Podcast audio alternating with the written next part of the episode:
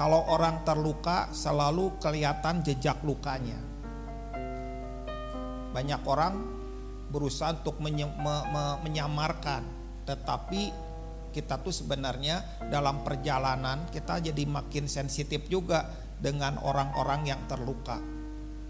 Dan luka itu sering kali dicongkel-congkel, dikorek-korek, hati kita dikeluarkan, di dinampan, lalu kita ngambil belati dan tusuk-tusuk hati kita dengan cara mengingat-ingat kenangan-kenangan yang buruk.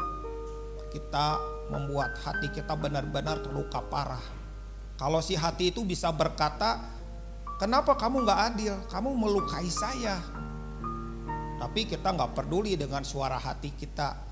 Kita lakukan terus menerus sehingga kita menjadi orang yang terluka. Problem ini adalah problem umum yang terjadi di, di, di kita semua.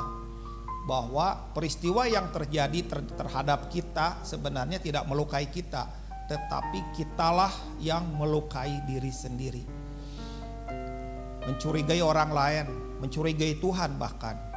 Membuat Tuhan juga nggak nyaman karena kita benar-benar membuat kita menusuk-nusuk dan mencongkel-congkel luka kita yang menganga dan kita benar-benar membuat luka itu semakin parah dan semakin parah.